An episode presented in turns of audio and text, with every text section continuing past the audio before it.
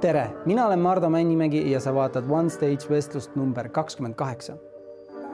enne kui me alustame, see on kolmanda hooaja neljas osa. hästi äge on seda ja hästi ebamugav on seda siin, hästi kohutavalt viletsalt tunnen ennast siin istudes, sest äh, millegipärast tabab mind alati selline ärevus ja see ongi põhjus, miks ma seda teen, sest äh, mul on olnud äh, minevikus väga palju probleeme enese esitlemisega ja tänani, tänaseni on sellega, see ärevus on kuidagi mõnusalt kõditab ja, ja tekitab minus sellise tunde, et äh, äkki peaks ära minema. see oli muidugi nali. see on üks põhjus, miks ma seda teen ja teine on see, et minu töö, minu karjäär on seotud väga palju erinevate huvitavate inimestega, just huvitavate ja leidlike ja, ja elus võib-olla oma koha leidnud inimestega. näitlejad, poliitikud, muusikud palju,, palju-palju on veel tulemas ja, ja olgem ausad, minule endale väga need meeldivad. meeldivad sellepärast, et ma olen ääretult uudishimulik inimene, et ma veedan hästi palju oma päevasest, oma kõigi oma vaba aja tihti kohtades, kus ma ei tunne ennast hästi ma mitte selles mõttes, et ma ei tunne ennast hästi, vaid ma pigem püüan ennast kogu aeg välja kutsuda, kui mingi koht äh, tundub mulle väga kodune, ma lahkun sealt. seega sellepärast teen mina seda. Mm, kui sa vaatad seda podcast'i või kuulad, siis äh, nagu sa videopildis oled näinud, meil on siin publik saalis, mis, äh, mis on hoopis teistmoodi, vahetult istuda siin, sul on võimalus esitada küsimus, sul on võimalus korra siin mulli sees olla. seda hetke uuesti enam ei tule. Mm, see on kordumatu. kui sa Youtube'ist vaatad, siis äh, sa ei saa enam sekkuda, siin sa saad sekkuda ja mis äh, on tohutult ilus selle asja juures, et tänapäeva sellise müramaailmas, kus on kõige asja, kõigele on vastus olemas, Youtube aitab, mida iganes sa teha tahad siis on seal üks äh, väga ohtlik asi ja see on paus, et inimesed panevad mingi asja käima, et õppida midagi või, või mingis valdkonnas oma meeli arendada ja nad saavad panna pausi ja reeglina panevad pausi, nad ei tule enam kunagi tagasi. siin saalis olles seda teha ei saa. kui sa tahad seda projekti toetada, tahad äh, kogeda seda suuremalt, siis ole hea ja tule, tule meil siia saali. mis kõige tähtsam, täna on õhtu, täna on külaline minu kokkupuude viieteist aasta jooksul on kahjuks põgus. me kohtusime äh, Tantsud tähtedega saatevõttel ja ma pildistasin selle saate reklaami. hästi mõjus. ma olen selle inimesega varem kohtunud teatris. nii et tema ei teadnud, mina seal olin, aga mina teadsin. ja, ja see pildistamine oli sellepärast ka veel tore, et äh, mu assistent ütles ka pärast, et Ülle on nii kihvt naine. ja see huumorimeel ja need naljad ja see lihtsalt tegi sellest päevast ägeda päeva. tere tulemast, Ülle. aitäh kutsumast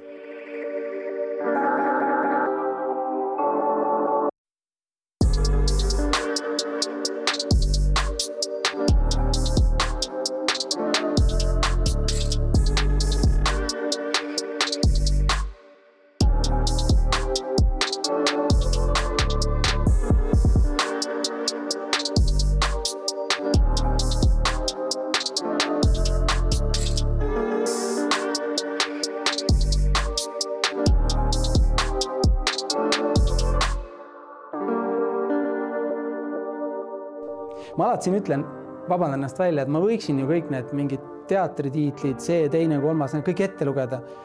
ma vaatasin neid etendusi, see võib hulluks minna, seda oli kõike liiga palju. ja siis ma alati tutvustan inimesi läbi ähm, selle kogemuse, kuidas me kohtusime. ma ei tea, kas sa mäletad, ma pildistasin? vist mitte. ei mäleta jah. no näed, see oli, see oli ühepoolne see kohtumine seal oli, seal oli väga palju toimus, kõik paarid olid kohal ja ma sain teid äh, kõiki endal kaamera ette, ma pakun, et äh, neljaks pooleks minutiks.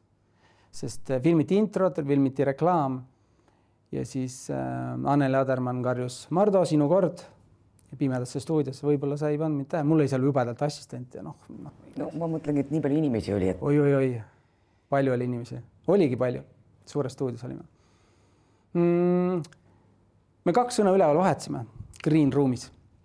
ja, ja ma selgitasin sulle natuke seda formaati, et me hoiame siin hästi lahtise selle ruumi ja, ja, ja mul, mind ennast, mulle endal meeldib, kui ma suudan esitada küsimuse, kus, mis paneb sind mõtlema. ma vaatasin su intervjuusid ja mind ennast kõnetas väga äh, sinu vanemluse, kuidas sa rääkisid ennast, endast kui lapsevanemast. kuna ma ise olen lapsevanem ma olen selline poole, pooleteistaastane põnn, kes ütles mulle siia tulles veel, issi, edu. emme oli talle seletanud, õpetanud selle sõna ära, mul tuli pisar, ma tulin siia. ja sellega seoses äh, ma kuulasin ühte intervjuud, äh, kus sa rääkisid veel omakorda oma lapselastest hästi suure elevusega. ja noh, resoneeruvad need, kes, kellel on sama kogemus ja kuidas sa kirjeldasid, et seda, seda, kui ma noh, faktiliselt, et on, on kaksikud ja sa vaatad neid kahte last ja see armastus ja kõik see. hakkame sellest pihta, hakkame siit minema, mida see tähendab sinu jaoks olla vanaema? nojah, võib-olla alustaks sealt, kuidas on neid kahte hoida näiteks. kui nad noh, ma tean, et see võib-olla lastekaitse võib mind seina külge lüüa, aga kui sul on ikkagi kaks tükki, sa oled nendega õues, nad on värskelt jalad alla saanud. üks sügab sinnapoole, teine läheb sinnapoole, sul ei ole mitte mingit muud valikut. sa lükkad ühe pikali jalaga. niikaua kui see pikali on ja ennast püsti ajab, siis sa jooksed teisele järgi, said selle kätte, võtad kaenlasse, siis niikaua kui see ennast püsti ajab, siis on saanud lõpuks kaks tükki käes. Siis andis mulle väga hea nipiga üks kaksikute ema, et kui sa tahad neid autosse panna turvatooli mm -hmm. talvel olen kasutanud, ma kuhjasin auto äärde suure lumehunniku. niikaua kui ma ühte panin tooli kinni, teise ma lõin lumehunnikusse kinni. see oli sinnamaani lumes ja, ja vigises seal, niikaua kui ma siis ühe kinni panin, siis võtsin teise, raputasin lumest puhtaks. et no muidugi see on midagi uskumatut, et, et oma lapsed on mõtled kogu aeg, et oma lapsed kuidagi kasvasid ja, ja, ja, ja ma ei mäleta sellist pidevat paanikat. aga neid kahte hoides, vaadates tekib kogu aeg mingi paanika, äkki ma teen midagi valesti. ma ei tea, kuidas mu tütred suureks kasvasid, suured nad on. praegu on küll selline hirm ja, ja muidugi hirm, hirm on selle eest, mis, selle ees, mis maailmas toimub, et ähm, ei ole kerge olla vanaema. Just sellepärast, mis toimub ümberringi?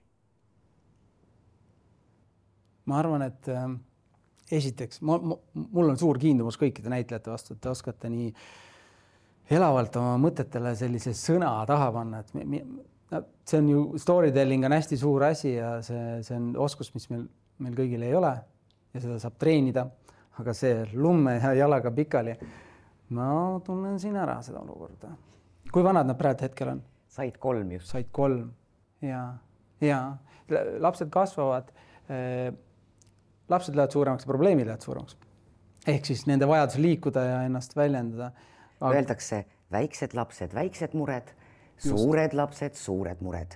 kui palju mina olen seda kuulnud oma ema käest, oma vanaemade käest mõelnud, mis jura nad ajavad. aga nii on. lihtsalt nii on. kaksikud veel, see on topelt, siis tuleb, tekib mingi uus võrrand täiesti, see on maaväline kolmikud, mis sa, aga mis sa siis teed? no siis tuleb hüpata kahe jalaga pikali lükata ja siis ja. ühe järgi tormata. jah, mulle see oli äh, mõnus etüüd, mulle väga meeldis see, ma, ma ei tea, kas ma hakkan seda kasutama, võtan siit snitti, aga idee poolest see lume sisse torkamine, see on ju mega hea, tal läheb tükk, tükk aega, sealt välja udida. ja, ja talle meeldib see, ka. talle just. talle meeldib ka. meile meeldib. Aga kui läheks, ma lähen, ma räägin jälle ühe loo, et mul hästi palju sõpradel, mida ma olen näinud, mind on üksi kasvatanud ema. Ja ma ei näinud seda nagu ema-isa vahelist neid fight'e ja tülisid ja mis tagantjärgi täna järgi mõeldes on isegi see, et see on halb, et mul on nagu puudu see. võib-olla ma pidin, kui ma kolisin kodust välja ja hakkasin oma elu ise looma, siis äh, mul oli väga palju seda, et mul puudus nagu kogemus, et kui konfliktiks läheb, mis, mis ma siis teen, kuidas ma käitun nagu sest ju tülitsemine on igapäeva osa, noh, väärikad inimesed oskavad väärikalt tülitseda niimoodi ikkagi, väärikas tähendab seda, et sa kedagi ei solva, aga sa testid neid piire. aga mul on väga palju sõpru olnud, kuna ma olin selline inimeste inimene, siis mul oli väga palju sõpru ja ma nägin, kuidas neil mõnel oli ikka kohutavad vanemad. ema-isa olid alati selles mõttes, et neil olid ema-isa, aga nad ei olnud kunagi kohal. ja, ja minu küsimus võib-olla sulle on see, et kas see, et noh, esimene level on, et sa saad ise vanemaks, järgmine level on, et sa saad vanavanemaks. Kas sa nagu tagasi mõtled ja mõistad oma vanemaid paremini ja, ja, ja kuidas sa kirjeldaksid oma sellist algust? kas sa olid Hoid, kas sa torgati ka lumme assa või? no minul on vend, kes on kaks pool aastat, kaks pool aastat minust äh, noorem.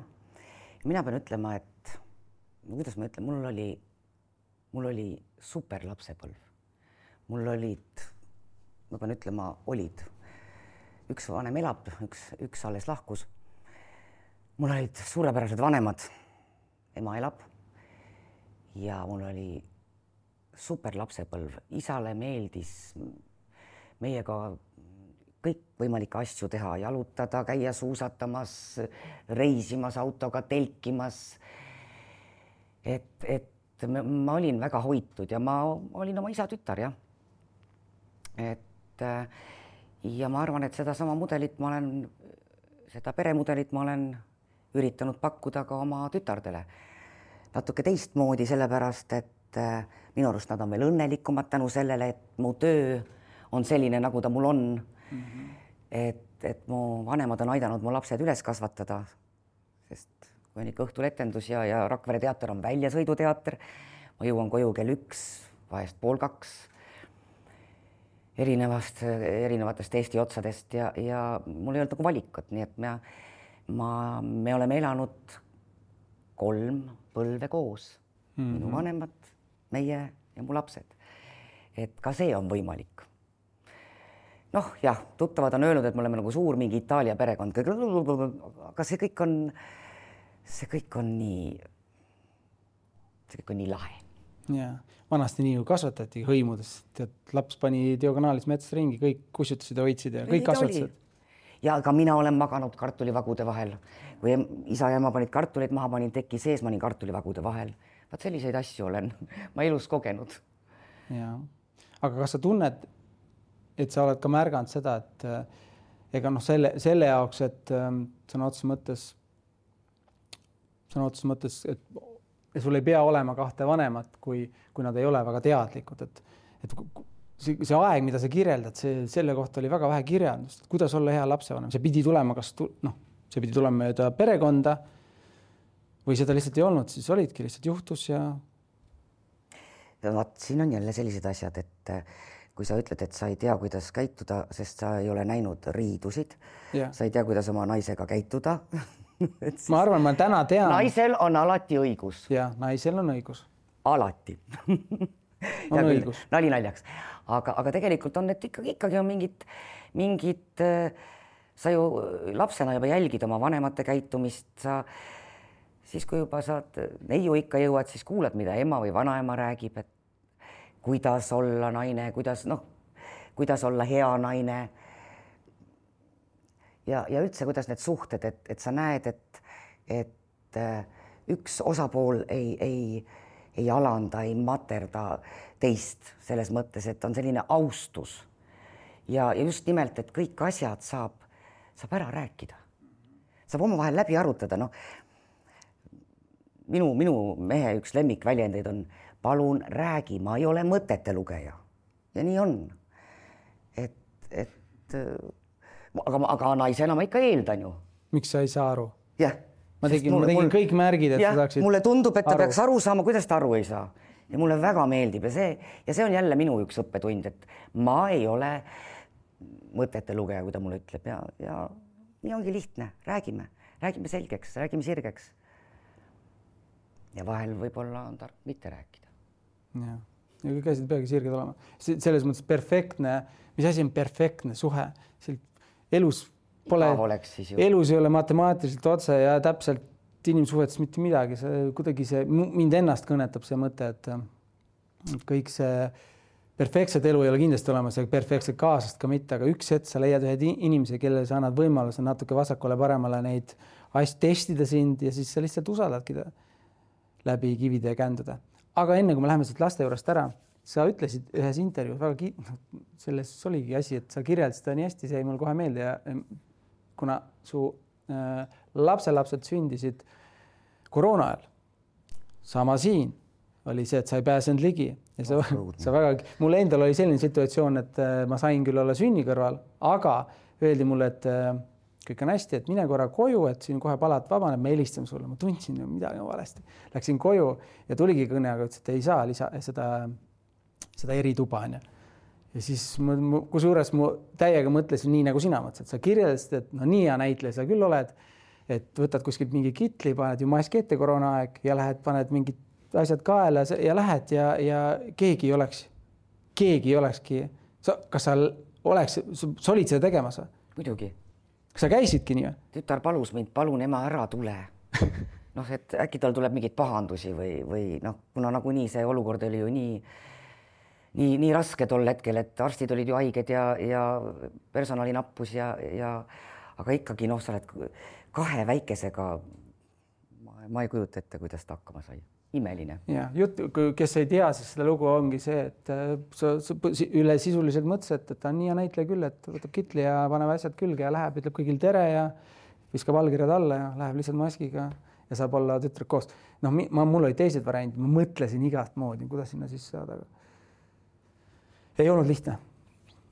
ei olnud lihtne.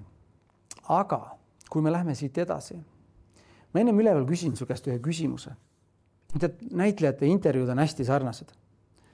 mis sind äh, inspireerib? Äh, kuidas sa näitlejakooli sattusid?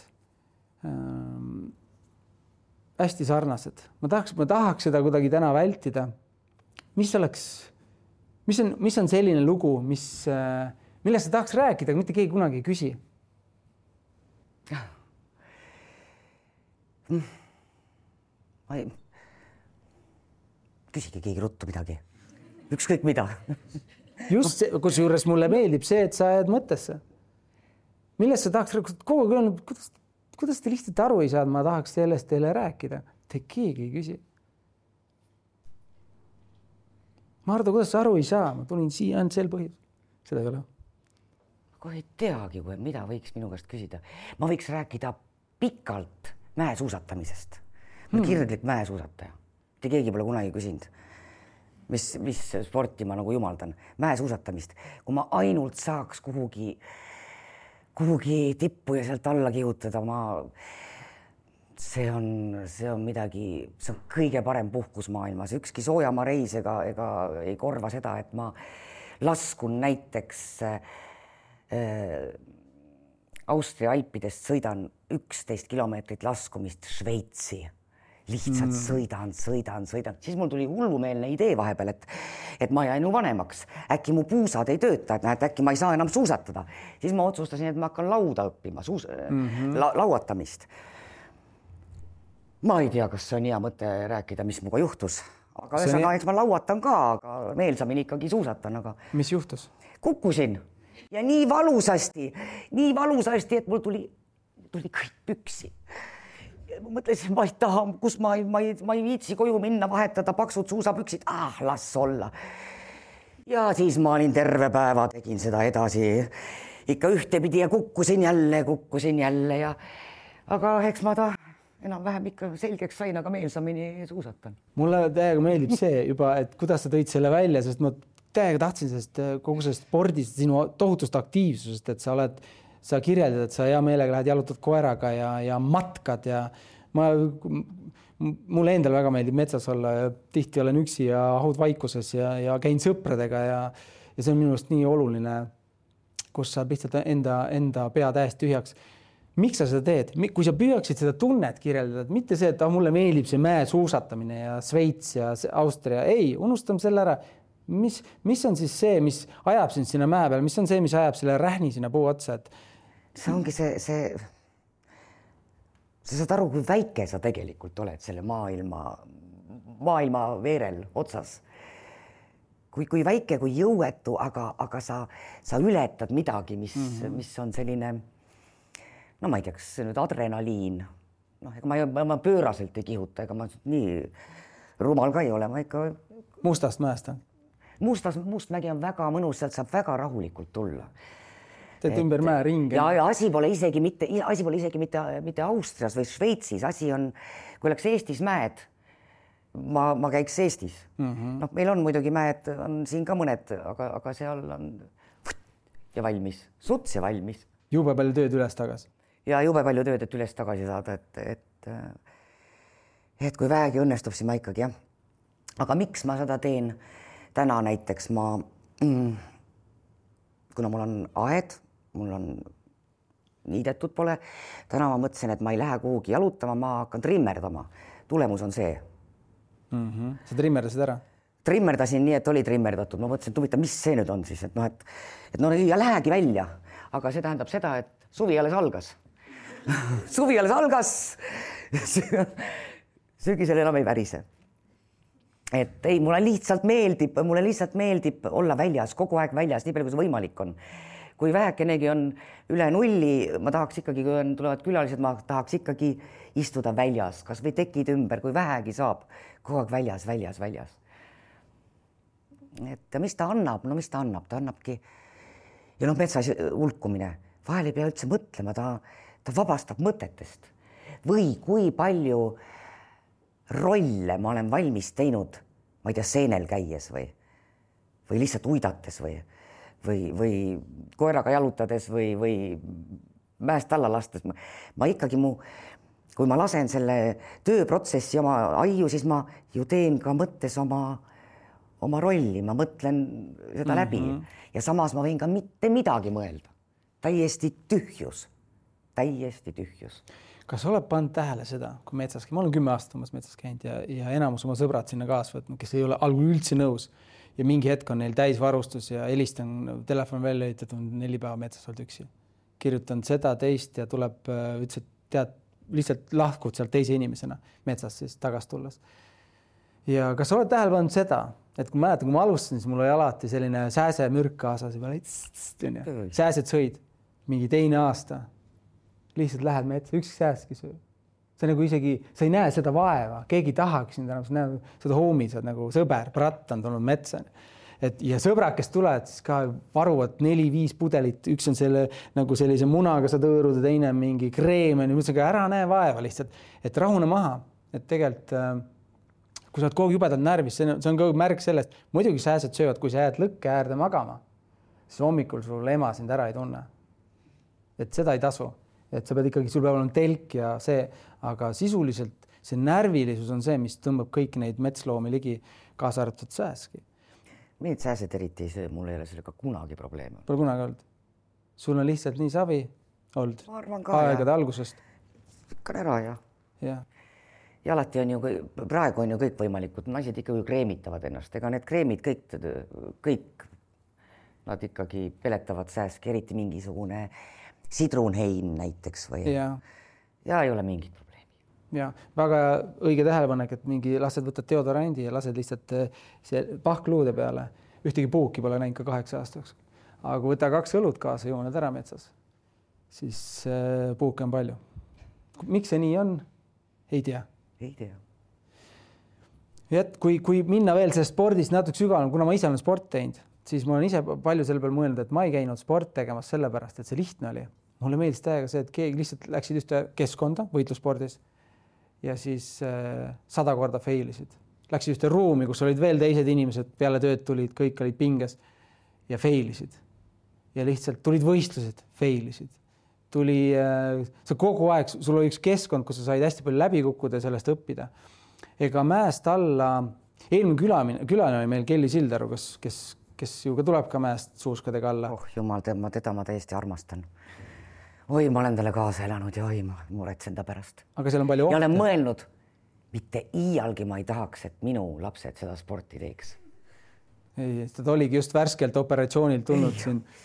ma tahan, et nad, ma ootan ainult seda aega, millal saaks kaksikutele panna kiivrid pähe ja mäest alla lükata mm, -hmm. aga see peab olema kulgemine. aga ma, ma, ma ei tahaks, et mu lapsed seda teeksid, aga ma väga-väga imetlen Kellit mõtled, mis, kui palju ootamatust on selles ühes hüppes. me vaatame, oi ilus suusak käisid risti, naeratus tagasi. mine ise, seepärast ma mõtlengi, et tegelikult seesama, sama see flow, mida sa ütlesid, et sa tuled sealt mäest alla, naudid, ega see flow's on hästi palju, see, see hea enestunne tekib, et seal on alati suur-suur tükike riski ka, et kui sa seal põlve maha paned, see ei ole nüüd stopp, siis tuled sealt mõnisada meetrit, võib-olla isegi suusad siin ja seal. ja mis seal kõik võib veel juhtuda, et noh, alati on võimalus, et keegi teine teeb sulle selle, sõidab sulle külge või sisse, nagu öeldakse. esimene reegel, ära sõida mulle külje pealt sisse, kui sa oled mäe peal. et see tuleb kohe selgeks teha, seal on nii palju inimesi, seal on, see on nii palju riske mm,. aga kui me tuleme näiteks Eestis, jätame need mäed äh, kõrvale, siis äh, see ongi su põhiline ala, milleks ennast vabastada või kus selline põhiline suund, et sa naudid äh, matka, naudid. jah, jah. No koroona ajal noh, sõitsin jalgratast ja noh ka liigutad teed, vaatad, kus, kus, kus inimesi pole.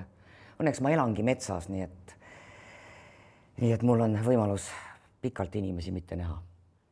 teater on ju selline, et sa oled, väsitab ju, inimesed väsitavad. kuidas, kui näiteks ma ütlesin, et ki kirjutasime sulle, et tule osale, siis sa mõtlesid, kurat, inimesed jälle need inimesed, metsa, ma pean metsast välja tulema no päris nii ma ei mõtle, sest et ikkagi see on minu publik, noh, ma, ma lihtsalt. see, see ennem see. mis, mis mõttega ma seda tööd teen, kui mul ei ole publikut? sa ennem lihtsalt ainult puudutad seda teemat. võib, kümne sõbraga võib õue peal ka teatrit teha. aga, aga, aga ikka publik peab olema. ma nägin siia, kui sa ennem istusid ja me paar sõna ka enne, kui me hakkasime salvestama, sa ütlesid, et teistmoodi on kuidagi, et ist, istume, räägime siin. ja siin on inimesed ma vahepeal, mul läheb vahepeal meelest ära, ma pean vaatama, siin on tõesti inimesed, seepärast juba kahekümne kaheksa kord siin istus, mulle, mulle tekib alati selline tunne, et siin on mingi mull onju, hästi tore on vestelda ja ma olen täiega nagu pinges, sest ma ei tea, milles me siis tegelikult täpselt räägime. aga ära, lase, lõhu see mull ära. vaata maha. silmi, vaata inimesi, vaata kui, vaata kui, vaata kui ilusad, ilusad pärast. inimesed nad on, vaata kui rõõmsad nad on, nad on ja sealt ammutagi. ma vaatan tüdrukule otsa, ma tunnen, et ta ma meeldin talle vist. no ta poleks muidu siin ju ta, ta poleks muidu siin, kui sa talle ei meeldiks ja lasegi see ligi. see on nii ja, äge.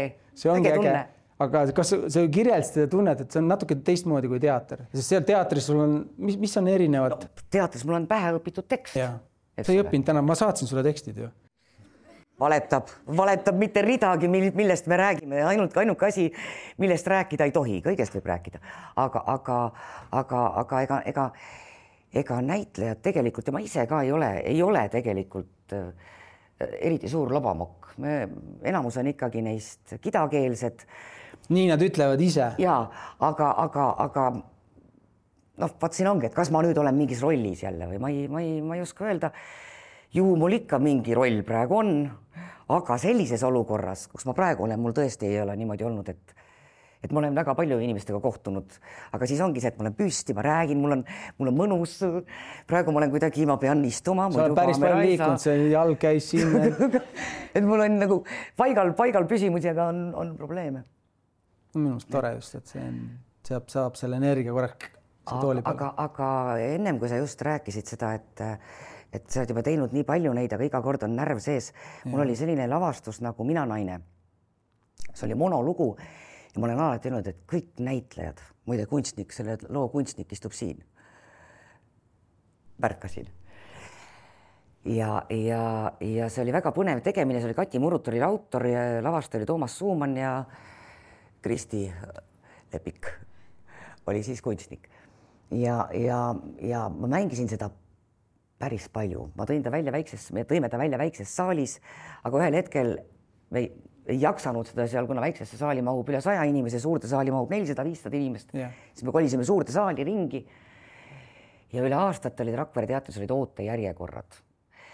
viimati olid ootejärjekorrad mingisugusele tükile vist ütleme etendusele siis, kui oli umbes Raivo Trassi aeg, nelikümmend küünalt või mis need tol ajal siis olid ja selle tükiga tekkis ka selline asi, et olid ootejärjekorrad.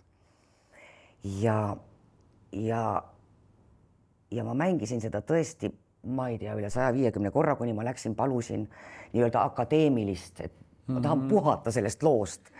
ma lihtsalt ei jaksa kolm-neli korda nädalas väljasõidud, asjad, hommikul veel lasteetendused ja ja mida rohkem ma seda mängisin, seda rohkem ma närvi läksin. seda rohkem mul hakkasid kahtlused, kas ma olen ikka hea näitleja, kas ma ikka, jumal, kas ma ikka täna vean välja, täiesti tühja koha pealt mingisugused mõttetud hirmud mm. -hmm. ma ei tea, miks.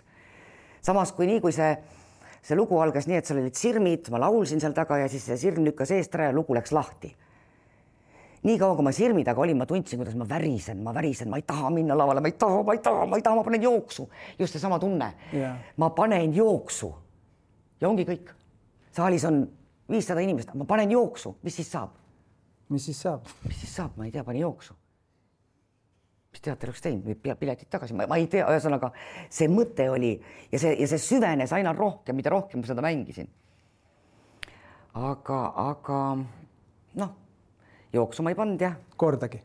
kusjuures selle, selle, selle etenduse jooksul, mis sa mõtled praegu? ei. mis sa mõtled praegu? Mis sa mõtled praegu? mis mina mõtlen praegu või? selle see... etenduse jooksul ma suutsin, saad aru, ma räägin ja räägin ja räägin, kuidas kuidas on, midagi ma rääkisin vapratest, vaprate ja ilusate tegelasest, rääkisin, kuidas see, kuidas see naine, see on niimoodi ära lõigatud ja niisugust nägu näeb välja ja näitasin, samal ajal ma mõtlesin, mis ma lapsele lasteaeda selga panen. pagan, see kombekas on must, ta kuivab hommikuks ära. ahaa, jalga panen need, ma, ma mõtlesin täiesti maiseid mõtteid yeah.. Mida lapse, lapsele lasteaeda selga, mis, no ühesõnaga, ka see on võimalik, sellepärast ma küsisin, mis sa mõtled praegu ma seda, mul, ma olen selles alles vait. järgmist küsimust mõtled? ma olen alles vait peal, ma ei mõtle üldse tegelikult järgmise küsimuse peale, sest ma saan aru, et siis ma panen täiega puusse. et ma püüan olla olla kohal, teen tohutult tööd ja kui sa ütled, et äh, kui läksid kardinad nii-öelda eest ja hakkasid mängima, siis see kõik kadus, vaata, sest tegelikult see nii ära, siis kaob, nii kui kardinad eest nii-öelda lähevad, siis sa ei ole enam haige, isegi kui, kui sul on kolmkümmend üheksa palavikuga, kas see kaob ära, kõik kaob ära. Ja see on huvitav tunne, aga ikkagi enne seda sul on tohutu hirm, et, et see, kuidas seda väljendasid, ma arvan, et vaatajad-kuulajad noortel on tihti see, et äh, tekib mingi raskus, siis äh, aga see ei ole minu jaoks, vaata. Tegelikult ongi see koht, kus sa arened, kui miski suudab sind panna enne veel mõtlema, et sa paned, nüüd ma panen küll plehku, seda õigel rajal, see ongi seesama asi, mida ma otsisin sportlasena, otsin ettevõtjana ja otsin täna seda podcast'i äh, tehes, sest tegelikult see tegemist siin, jah, me kuuleme siin, meil on nii äge näitleja külas, siis inimesed naeravad, aga tegelikult see ei ole meelelahutus, see ei ole see popkorni ja, ja Coca-Cola üritus, siin ei ole ju nii lõbus et sa tuled ja noh, see on tegelikult natukene püüan mina panna sind endasse vaatama, vaatan, kuidas mul sul õnnestub no,, sul lihtsalt lood on nii naljakad. aga miks mitte isegi kurbadest asjadest saab ju saab, saab nalja.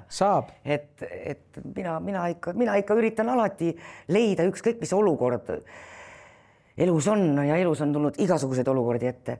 ikkagi seal on väike noh, pilvede taga on alati päike ja üks väike rõõm las olla igas päevas ja nii edasi, et et ja muidugi olen ma olnud ka täiesti sellises augus, et ma mõtlen, et ma sealt enam kunagi välja ei roni. aga, aga mu loomus ilmselt ei lase mul. annaks, annaks neid auke lihtsalt, kus on, ongi probleemid. inimesena mina tunnen, ma olen kõige rohkem arenenud nendes kohtades, kus seal ka no, nii-öelda seal kaardina taga oled ja, ja ei julge, ei tea, mis edasi teha, aga lihtsalt tegutsed küll elu teeb oma korrektuurid. vanemlus, äh, põgusalt rääkisime, mis on see, kui sa olid, kui sa oled väike tüdruk, sa ütled küll, et ema-isa olid hästi, hoidsid, vanavanemad, mis on väga oluline väiksel lapsel, eriti esimesed aastad, ta usaldab pereringi ja veel kõige parem soovitus on täna mul lapsevanematele hoidjad et mõelge selle peale, et tuleb veel ringi professionaal, kes oskab su lapsega tegeleda ja ta, tal see radar, et ma võin usaldada inimesi ja inimesed on väga head sinnamaani, kui nad alt veavad ja siis annan ka veel võimaluse. Siis eh, kuigi kõik oli hästi ja tore, siis millest sul puudus, midagi, oli mingi koht, kus tõmbas pisar silma, KTM, et sõbrannal nagu see on olemas või et kuidas tema. no issand, kui mina olin laps, kus oli puudus, eriti kui ma sain teismeliseks yeah., polnud ju mitte midagi saada. sõbrannal on puukingad, no jaa, aga tema ema on ju sideülem siis olid teksapüksid ja ma ei no, no, no need olid sellised, mis tol ajal oli nagu no ju teismelisel oli ju vaja, et sa ikkagi oleksid ka nagu kõik teised ja ja, ja, ja ja, ja, ja ikkagi saaks need puukingad ja teksapüksid ja ja ma ei tea, raglaanlõikega pluuse. Lõpptulemus oli see, et sõbrannaga läksime, otsisime, ostsime sitsiriiet, ta viskas pikali maha, lõikasime välja. Tõk-tõk-tõk-tõk, vanaema Singeri masinaga õmblesime kokku, meil oli igal peol olid uued pluused. Nii et saime aru, et ei ole, küll saab ise ka hakkama. teksapükse, mina ei tea, mis, mis asja, kas oli, isa oli mingisugune tööpükste materjal sinine.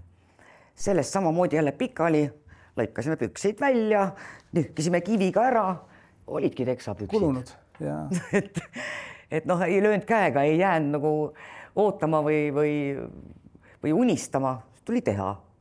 aga mulle meeldib, väga meeldis see lugu, mis sa rääkisid, aga kui me läheme sügavamale, kui mõtleme mingi tunde, mis see sinus tekitas, just see, et ma saan aru, kui ma õieti sain aru, siis sa lahkus isa, sinu isa. siis mõtlen just see, et kui sa lapsena tundsid, ma ise tean, võib-olla ma annan sulle mõtte, et midagi, mida oleks tahtnud, minu isa ei ole lahkunud, aga midagi, mis ma oleks lapsepõlves äh, mingi tunde, mis mul tekitas, et mul oli nagu, miks ta seda ei osanud mulle. Võib-olla sa pole kunagi selle peale mõelnud, seda enam midagi, mis, et aga miks sa ei noh, seal oli see koht, aga sa ei teinud seda, just selline puudus. mis oleks aidanud sul palju lihtsamalt äh, kujuneda ja hakkama saada elus hiljem. ma ütlesin, mul küsimused on sellised, et. ma käisin. midagi tõsist. ja tõsine lugu, ma käisin lasteaia viimases rühmas, tuli koolimineku aeg ja ma tahtsin raudselt saada baleriiniks. mul oli, ma, ma võisin vaadata televiisorist balletti. ma, mul oli, ma, vanaema tegi mulle mingist kardinast tohutu patška, sellise kihilise tärgeldas ära ja heinapakinööridest patsid ja ja ma tantsisin Karjamaal, kuna ma olin suviti alati Vanameres maal, suure kivi peal küll lehmadele, lammastele, ma käisin küla peal ka tantsimas inimeste juures. Alguses võeti mind rõõmsasti vastu, aga siis millegipärast ei olnud neid kodus pidevalt. no see selleks, aga ma, ma ei, ei heitunud sellest, ma leidsin ikka uusi, kes veel polnud näinud mind tantsimas. ja, ja siis, siis tuli üks, üks ema sõbranna oma tütrega, kes käis nendel balletikooli katsetel ja ta näitas mulle, mis siis seal teha tuli, ta ei saanud küll sisse, aga ta näitas mulle ja ma sain aru, et oi, ma olengi võimeline oma jala tõstma nii, oi, ma olen võimeline tegema nii, ma olen nii. ma ei teadnud seda tol ajal. ja siis mul oli, ma ütlesin emale, et nüüd on nii, et mina tahan minna balletikooli. no isa, ema panid venna ja minu autosse, sõitsime Estoniasse, Rakverest siis Estonia ette, Tallinnasse, jätsid meid, tol ajal võis parkida igale poole Estonia ette Žigulisse kaklema ja ise läksid äh, siis maja taha, et lähevad vaatavad, kas siis, kus need vastuvõtukatsed toimuvad. olid ära mingi aeg, ma olin nii närvis, vend käis mulle närvidele, vingus, tal oli palav ja kõik need asjad. ja lõpuks siis nad tulid tagasi ja ütlesid, et tüdrukute kohad on täis. ei saagi. noh, nutsin natuke, läksime koju.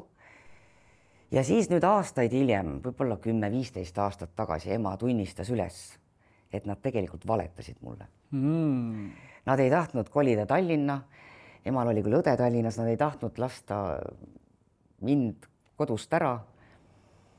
ja, ja ma mäletan, et siis ma mõtlesin, kui ta mulle üles tunnistas, et no pagan, nad ei ole mulle kunagi midagi keelanud, nad on mind alati usaldanud, nad on, nad on mulle kõike võimaldanud, nii palju, kui see neil võimalik oli.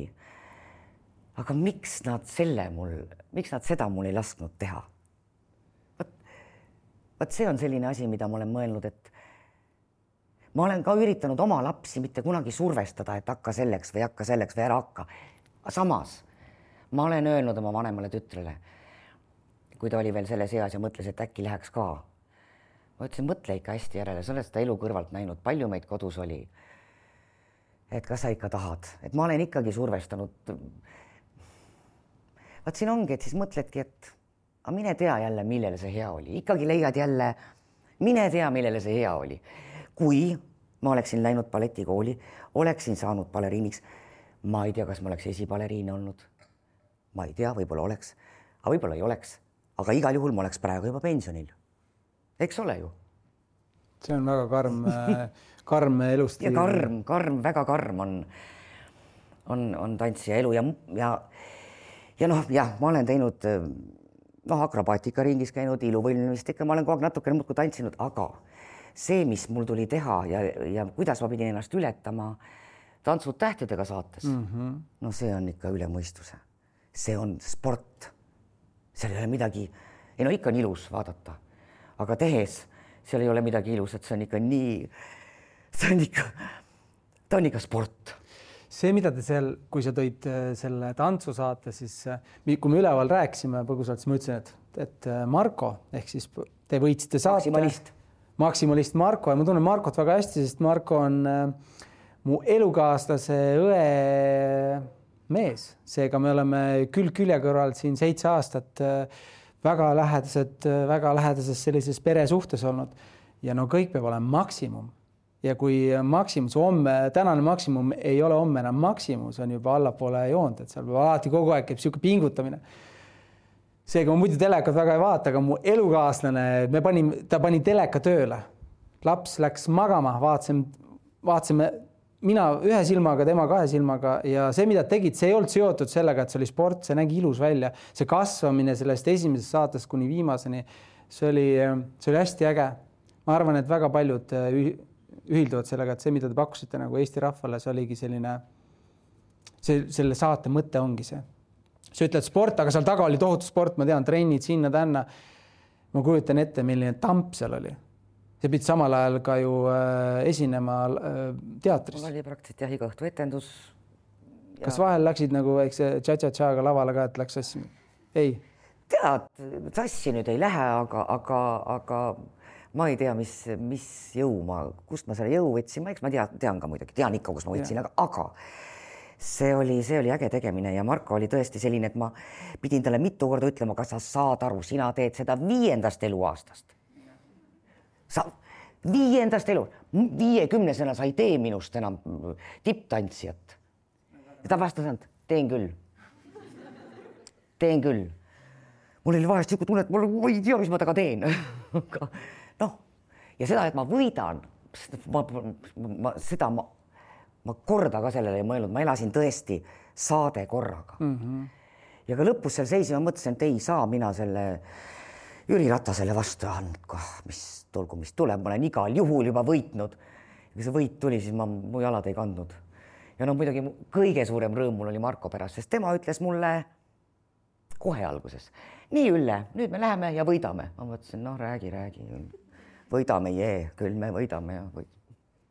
Mul tuleb, mul tuleb meelde, kui see oli kõik, ei olnud veel avalikkuse ees ja me olime, olime külas Tartus ja siis, siis omavahel pere sees rääkisime, siis ütlesime, Marko, see noh, jah, võtame kätte ja teeme, võidame. see selleks. tegelikult me läksime, tulime selle tantsusaateni selle pere valega, mis vanemana sa vajad vahel võtma selle mis, mis nad siis otsustasid ära sinu eest, oota, kui vana sa sel hetkel olidki? Noh, kuus, seitse. kuus, sa otsustad ja kuidas sa siis andestad selle, kui vanalt sa tead said? no kuskil... tegemist oli pettusega? no tegemist oli pettusega, ütleme, et ma sain selle teada pealt kolmekümmet. Assa, siis sa oled õppinud juba andestama, ega siis on lihtne no,. just, et oleks ma varem. kaheksateist. no jah. jah minu meelest see oli mega äge jagamine just sellepärast ka, et kindlasti siin olijad ja, ja kuulajad ja, ja ma loodan, et sa tegelikult vaatad seda Youtube'ist, siis seepärast, et siin nii palju, nii palju neid, sa ei näe neid jalgade liikumisi, see ja seda spagaati, mis ta siin vahepeal õhku tegi, et sa muidu ei näe seda, et tule kindlasti kuulamisest vaatamisse, kui sa tahad seda kõike näha. aga see, see, et vanemad võtavad mingi sellise otsuse vastu ja kuidagi mis vanusest tõesti, ma, ma ise, mul endal kohe mõtlen ka, et et kuidas tegelikult seda serveerida, kui sa näed, et see lapse, kas sa lubad tal siis äh, selle kaasa teha või siis sa otsustadki tema eest ära, et kuule, see ei ole hea mõte. kindlasti tuleb mingid asjad tuleb laste eest ära otsustada mm, -hmm. aga ma ei oska niimoodi nüüd hakata, aga, aga, aga, aga ikkagi ma olen, me oleme üritanud kasvatada neid nii, et, et, et jääb mulje, nagu nad ise otsustavad mm. -hmm. kuidagi natuke kavalusega teinekord, aga samas mida, mis on ju põhiline, mida sa vanemana tahad, sa tahad, et su, et su laps oleks õnnelik, ma tahaks kõikidele noortele öelda, et ärge põdege nii palju. kuulake südant, tehke südame järgi, eksida tuleb. ja ärge mõelge nii palju seda, mida teist mõeldakse, vaat mul on hea kerge rääkida, sest mul juba on täitsa, hakkab täitsa no, no ei saa kõigile meeldida, noh. ei saa. ja, ja, ja ei peagi ja, ja aga, aga mida ma tahan, mis on nagu lapsevanemal on kõige raskem see, kui sa näed, et su laps ei ole õnnelik või ta on noh, on muidugi asju, et hea küll, kui sa oled sinna, ise oled sinna muusikakooli, oled läinud, siis käi see lõpuni. mu vanem tütar läks salaja muusikakooli. salaja? salaja. kuidas see välja näeb? Läks salaja, kirjutas. kodus on toas järsku klaver? ei noh, ta läks salaja, mulle helistati muusikakoolist, et teie tütar astus sisse muusikakooli Rakveres. et ta jah. kirjutab ise avalduse, me ütlesime talle, et, et sa oled vangi, kui sa ise kirjutad, vanemate allkirja paned alla. siis meil oli küll, sest ma üldse mõtlesin, et äkki teda üldse ei huvita, noh aga teda huvitas, läks. aga siis vahepeal, kui ta tahtis pooleli jätta, ma ütlesin, et ei jäta. ise läksid tee lõpuni. et aga ikkagi ma, ma kõige tähtsam on ju see, et su laps oleks õnnelik, et ta ei hakkaks mulle midagi tõestama või, või, või, või ma ei tea, mulle, maailmale, kõik me ju tahame aeg-ajalt ja teatud eas midagi tõestada, aga kas sellel on mõtet? õnnelik tuleb olla. mulle meeldib see tõestamise mõtet ja see ongi üks põhjus, äh, miks mina ise ka ilma isata kasvanud, äh, kui ähm, sõpradega räägid, siis tihti öeldakse, et noh, et sa tegid, ühesõnaga tegin sporti ise ka ja niimoodi hobi korras selle oma kunstniku ja nii-öelda ettevõtluse kõrvalt käisin lihtsalt õhtul trennis ja, ja sellest kulmineerus see, et ma olen vist, kui ma ei eksi, ma võin eksida, aga ma olen kuueteistkordne Eesti meister, kaks tuhat neliteist aasta Euroopa meister, kümme kuldmedalit maailmakarikasarjas. kahjuks maailmas jõudsin ainult kümne hulka. ja, ja see kõik töö kõrvalt, et nädala sees võtted, reklaamvõtted, nädalavahetusel lendasid, töötasid lennukis pilte ja, ja, ja võistlesid. Ja, ja ma olen jõuga läinud sinna aega nagu tagasi, mõtlesin, kas ma tõestasin nagu isale, kuna mul seda isa kontakt nagu zero, nagu ei olnud kasvatamist, ei olnud toetamist, mitte midagi, siis mina näiteks ei tõestanud. Aga ma saan aru ka, et väga paljud mõtlevad, et just tahavad pälvida. Ja see on tohutu lõks. mu elus on olnud palju, palju sõpru-tuttavaid, kes on kirjeldanudki seda, et nad on, nad ei saa, nad teevad mingi ülikooli haridust ainult sellepärast, et nagu ema on öelnud neile mingi žesti, et tee see asi lõpuni, kui sa alustasid. aga mis siis juhtub, kui sa poole pealt saad aru, et see ei ole sinu elukutse? sa noh meil on, meil on need aastaarvu, need aastad, mis meil on jäänud sinna ilusa lõpuni, on, need on loed, neid ei tule kuskilt juurde, keegi neid juurde ei tahu meile. et kas viis aastat kuskil punnitad, sa pead tegelikult natuke ennast ka usaldama, aga lapsevanem ikka, lapsevanem vaatab ta elu nagu ette, tahad seda kuidagi natukene nagu, kuidas ma ütleks, kujundada või. head teha, aga tegelikult paned lapse pigem pinge alla. et, et ma. ja siis ta tõe, teeb selle kooli ära. ja, ja. hambad ristis, sest emme ütles, et, et äh, aga naabritüdruk lõpetas küll selle kooli ära. no seda me kahjuks vanematena teeme, aga üritame mitte teha või ja. no kes veel pole vanemad, et üritage mitte teha. ja vanemlus on üks äh, tore asi, õpetab ja, ja iga päev saad aru, et kuidas sa kukud ja fail'id kogu aeg. ma võtan saalist esimese küsimuse, Käte Meri. meil on siin esimene käsi kohe, tuleb sulle mikrofon. tervist ma võtsin selle esimese küsimuse sellepärast, et see vanemluse teema, nagu Mardu teab, mind ennast ääretult kõnetab. ja, ja sellepärast mul tekkis nagu selline mõte Ülle teiega seoses, et äh, olles täna ka ise kahe väikelapse isa. et kui lapsed on suured, siis kas te ise olete mõelnud, mida sel hetkel oleks võinud äh, või mingitel momentidel oleks võinud teistmoodi teha?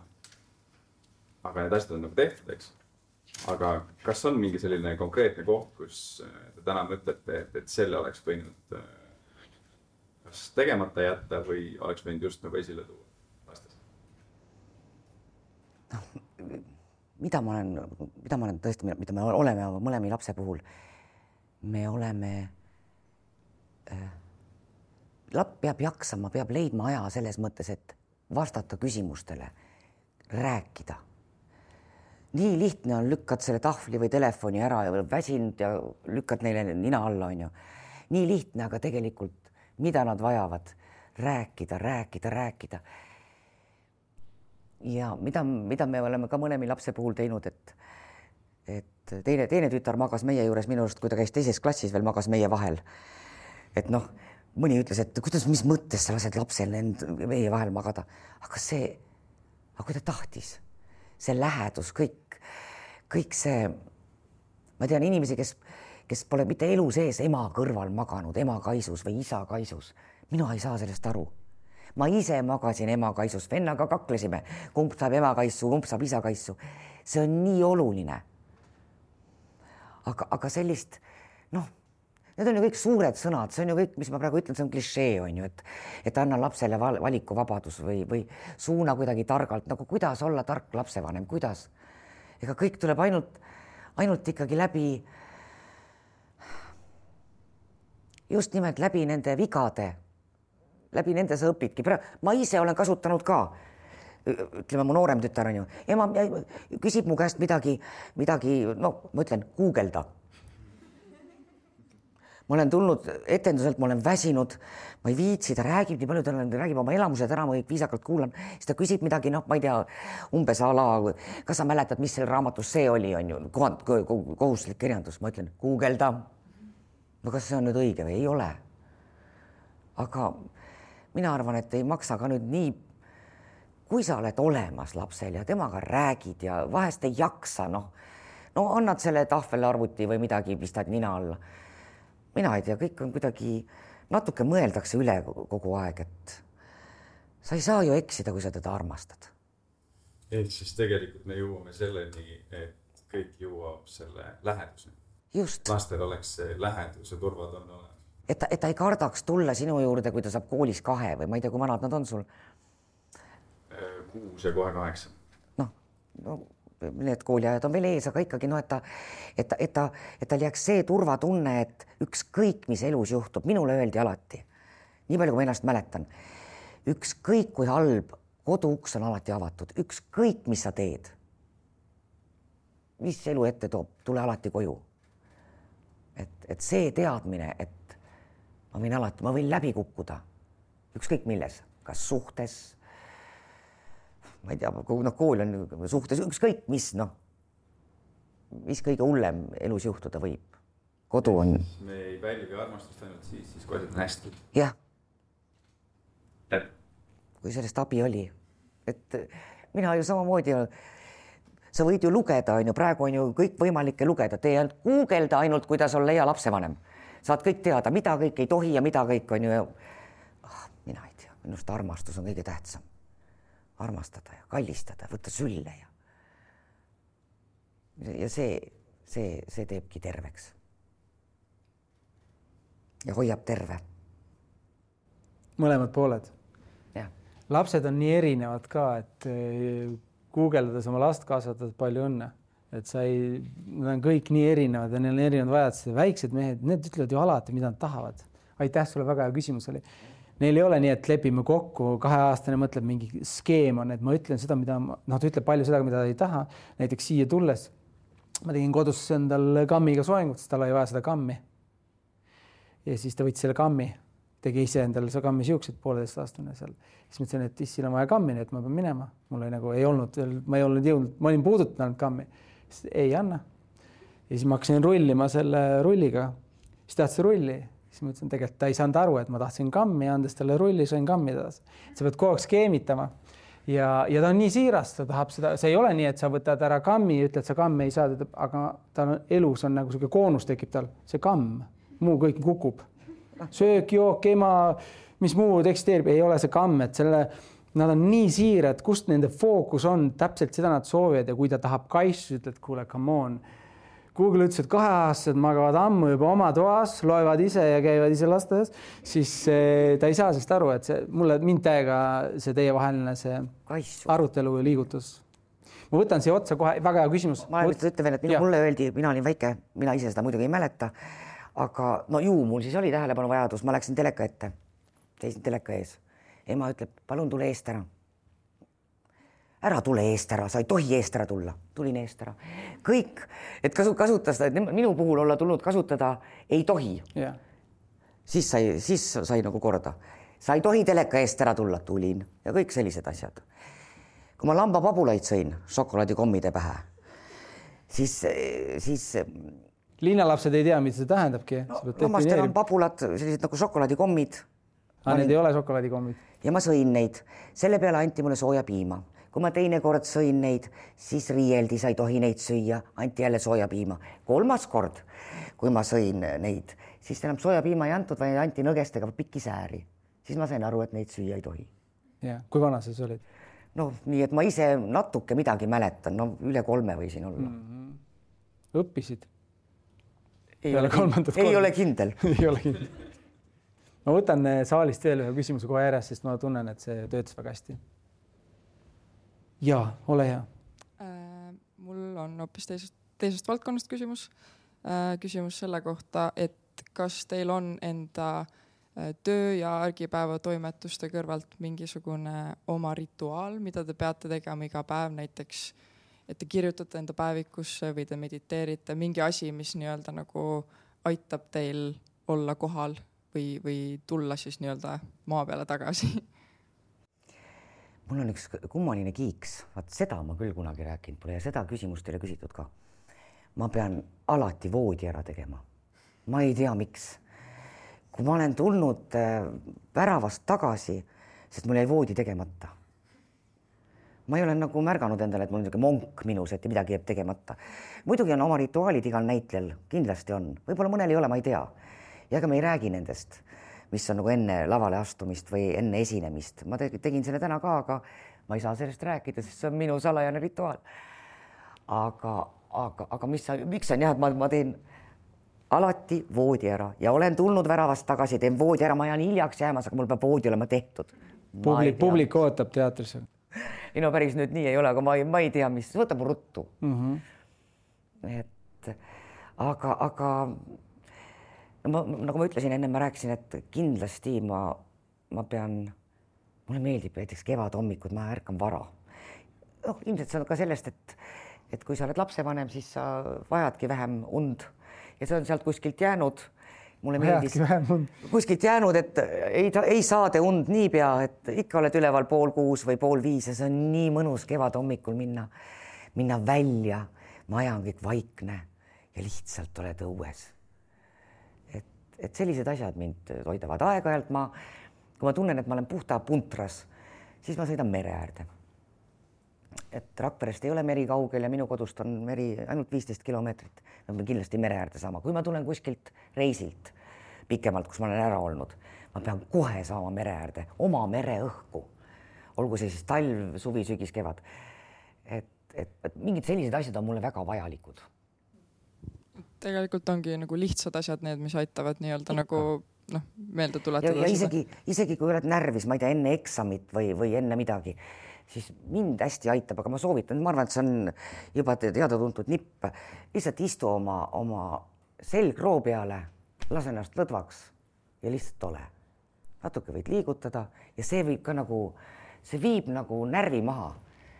et ära mõtle, noh, vot kuidas ma välja näen, lihtsalt istu enne eksamit, enne mingit asja, ükskõik, töövestlust.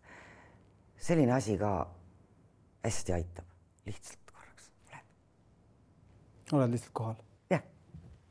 aitäh. ja aitäh sulle küsimuse eest. aitäh, jah. mulle väga meeldis, kus sa siin äh, läksid elama kohe, kui siin küsisime, see üks rituaal, mida sa teed, seda sa lihtsalt ei avalda.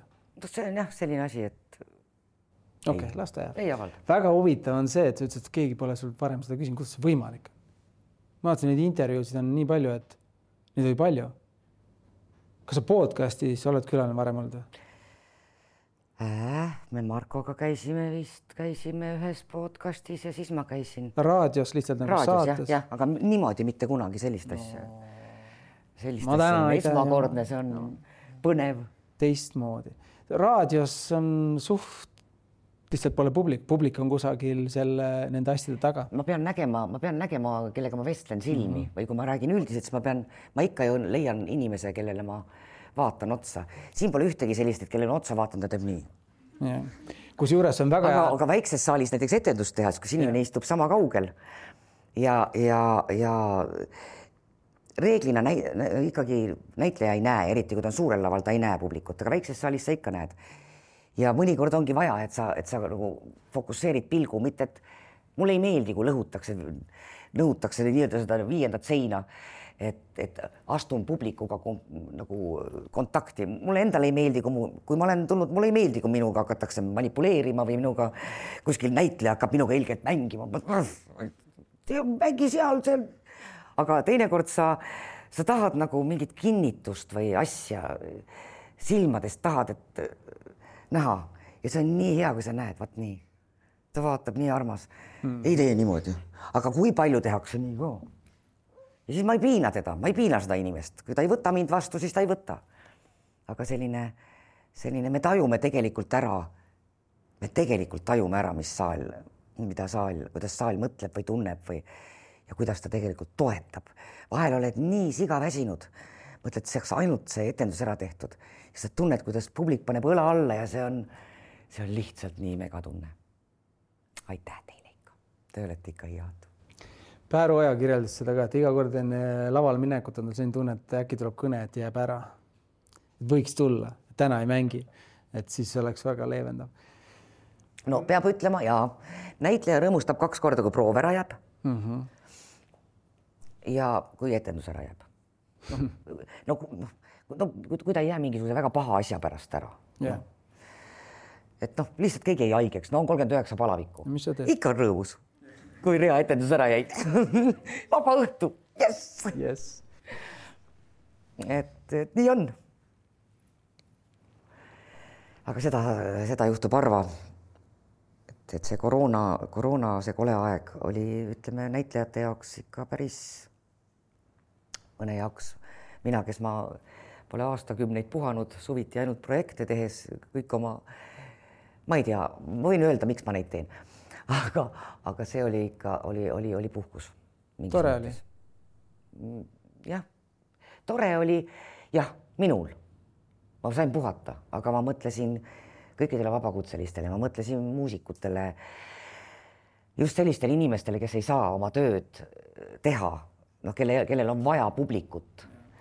ma ikka, ma olin nii mures nende pärast ja noh, loomulikult kõik meedikud ja, ja nii edasi aga, aga ütleme jah, et, et mulle, mulle oli see, mulle oli see puhkus, aga noh, on ikka küsitud või noh, miks ma teen suveprojekte. ma teen seda sellepärast, et ma saan mängida seal selliste inimestega, kellega ma võib-olla kunagi elus kokku ei puutu.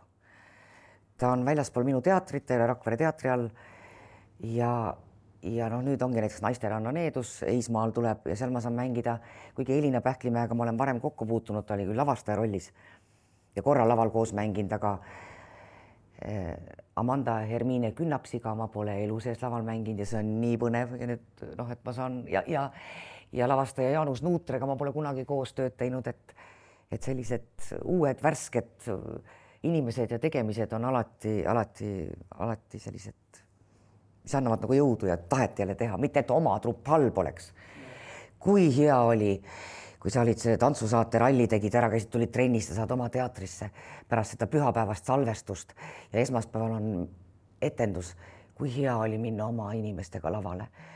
kuidas ma nautisin seda oma elementi, et see on ka, kuidas ma jälle õppisin armastama oma, oma maja inimesi, oma maja, oma teatribussi, kus ma kolm-neli korda nädalas pean loksuma et ma olen nagu omas elemendis, selles turvalises elemendis. Kui äge on äh, just pildiliselt, kui mina, ma, ma olen pool oma, okei okay,, pool oma elu on palju, pool, üle poole, vähem kui pool oma elust loonud visuaali, ma jälgin kogu aeg inimesi, kuidas nad ennast väljendavad. ja see on üks põhjus, miks me teeme seda pildiga, on see, et sa, sa oled oma elu pühendanud teatrile. Ja me oleme siin ja siin jällegi inimesed, see struktuur on sarnane sinu iga argipäevale ja sa nii elevusega räägid mingist tükist, nagu sa põhimõtteliselt oleks näitleja, näitlejakoolist just tulnud, lähed mängima.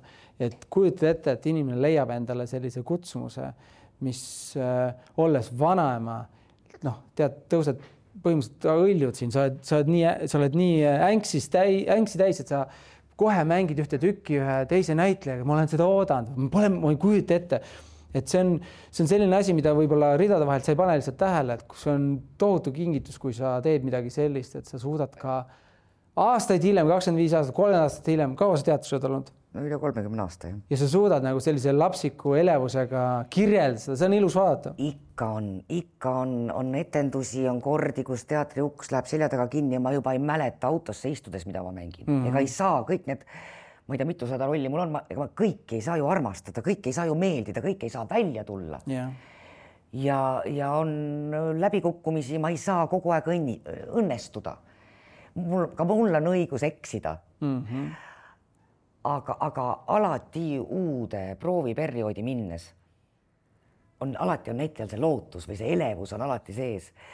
ja, ja see on nii mõnus tunne ja ma olen alati öelnud, et kui ma tunnen ühel hetkel, et ma teen seda, mida ma teen, nagu, et see on, see on mu töö mm. -hmm.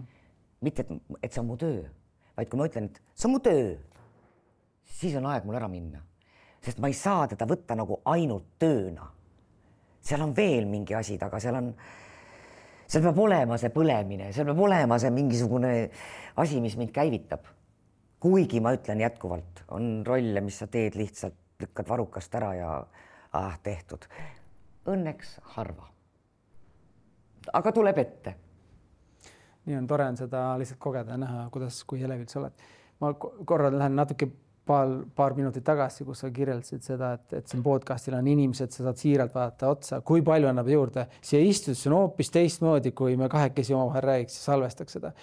ma olen ise hästi suur podcast'ide fänn ja, ja, ja juba ainuüksi see, et kui me paneks ette niisuguse mikri, nii et sa, mina näen sinu kõrvu ja sina näed minu kõrvu, juba on hoopis teistmoodi see silmside, kontakt teineteisega, nii et vahepeal mõtlen, sa teed spagaati siin, siin ei ole fikseeritud sul seda istumist. jumal, minu meelest võid korra õues ära käia, that's fine. ma tahan öelda järgmistele külalistele, kes siia tulevad, et tulgu nad südamerahus, mitte midagi hirmsat ei ole.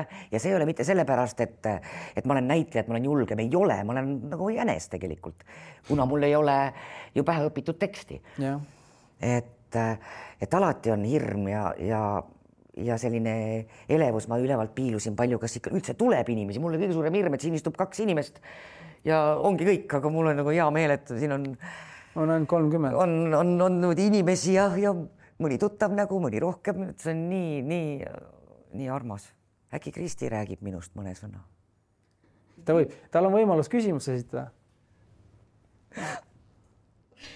ma, ma võtan saalist järgmise küsimuse, kes julgeb käe üles tõsta?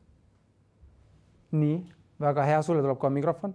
no kuna ma ise näitlejatööst nii palju ei tea, siis mind alati on huvitav pigem see, et äh, kui on nii palju erinevaid äh, äh, selliseid erinevate rollidesse siis kehastumisi, kas vahepeal selline minapilt ära ei kao või, või selline mõtlemine pärast, et, et kui sa teed tihedalt nii palju, noh, lähed erinevatesse rollidesse ja tulevad pärast välja, et, et kes siis tegelikult mina olen või kas ma ikka olen nüüd mina, et, et kas sellist segadust vahest ei teki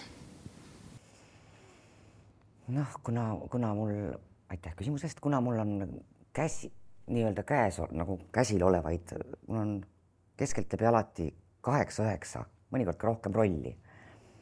et ähm, Pipi Pikksuka ei mängi nüüd vist juba viis aastat või on natuke rohkem, me mängisime seda ametlikult kakssada korda, ma arvan, mitteametlikult kõik laste hommikud, suvepäevad äh, võis ta mul tulla nelisada korda, aga kui mulle praegu pandaks riided selga, muusika peale, ma arvan, et see tuleks mul ära kohe. et äh, ma leian selle nagu enda seest üles. on rolle, mil, mida ma ei lase enda ligi. ta ei puuduta mind, ma ei saa, ma ei saa seda endale, ma ei saa seda endale vägisi armsaks teha. mul ei ole temaga äh, mul ei ole temaga mitte midagi ühist. aga noh, selleks ongi, ongi prooviperiood, kus me arutame läbi, kus me leiame õigustused, me otsime, ma olen mänginud mõrvareid, ma olen mänginud prostituute, jätiseid. ma pean leidma õigustuse oma tegelasele. mitte, et ma seda mõrvarit, ma, ma ju, ma ju, ma ju ei tahaks ta olla, aga ma pean talle leidma õigustuse, miks ma teda mängin. miks, mis mind ajendas minu tegelast ajendas seda tegema. ja, ja vot siin ongi, et need, see, et mina päris ära ei kaoks. ma, ma arvan, et on olnud, on, ma olin noorem kindlasti oli, mis oli, kus mul tekkisid need tunded, et ma, ma, ma ei taha enam, ma enam, ma ei taha teha, ma ei jaksa enam. aga siis sa kuidagi õpid ennast, õpid ennast kaitsma või, või välja lülitama või, või, või, või otsid seda, just nimelt seda, seda puhkust, kus sa saad pea tühjaks lüüa. et, et ma arvan, ma olen lihtsalt aastatega õppinud ennast kaitsma, alati on võimalik ennast ära kaotada, aga aga nüüd ma ei tea täpselt, kes see, kes see nüüd täpselt see režissöör oli, kui Dustin Hoffmann pidi mängima paadialust. seda vist kõik on teadvad, teavad seda, seda lugu. Kristi võib-olla teab, mäletab paremini, on see, et, et siis ta tuli, tuli võtte, no ühesõnaga tuli siis võttele ja ta oli siis selline räbal ja kole ja must ja siis režissöör küsib, et miks sa selline välja näeb. noh, et ma pean nagu paadialuseks pean, et ma nagu olen paadi all elan ja et kehastusin ja siis režissöör küsib, et aga kas sa näitlemist oled proovinud? et, et, et, et noh, et ongi, et ma, ma, ma ei saa, ma ei saa kõike oma käesolevat üheksat rolli kogu aeg. ma elan kaks tundi laval, põen ja, ja armastan, vihkan, tapan, mis vaja. aga siis ma pean välja sellest tulema. ja lihtsalt kuidagi kuidagi mõnikord on, tuled kergemini välja, mõnikord mõtled veel mitu tundi kodus olles, tiirutab peas mingeid mõtteid. aga, aga kuna, kuna ühte etendust mängitakse keskelt läbi ja väga palju etendusi on olnud minul, mida on mängitud sada, kakssada korda, siis ikka saja viiekümnendal korral enam ei, enam ei piina.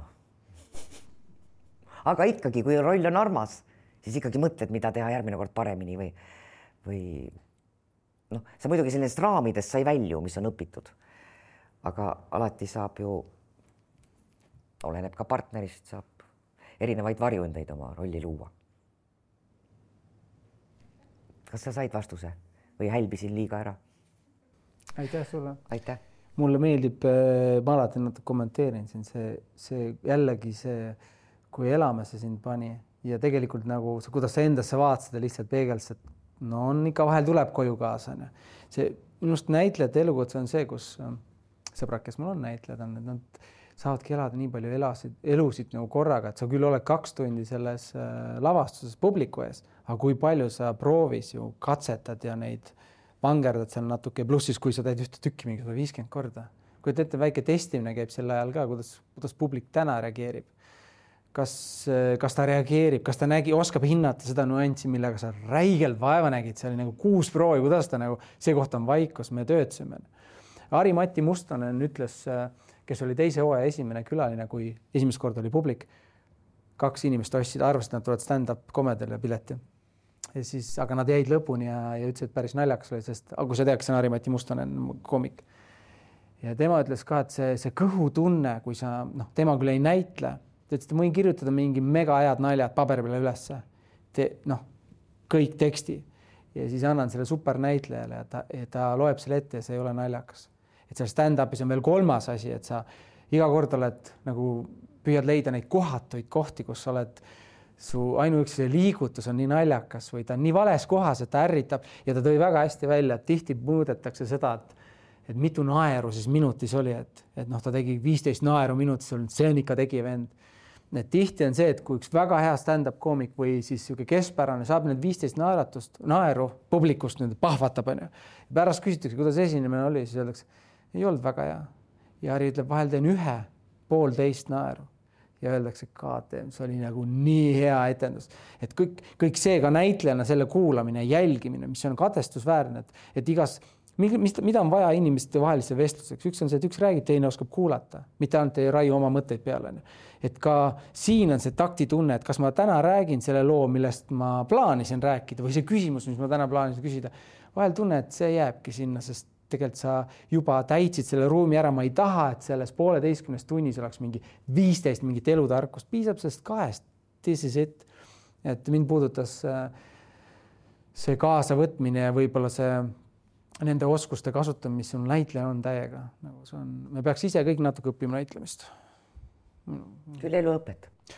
küll elu õpetab ja, ja, ja sa tõid väga ägeda asja veel välja, et, et küsimus oli ju selles, et kas sul üks hetk on, et, et noorus mulle aitab sellest näitlemist.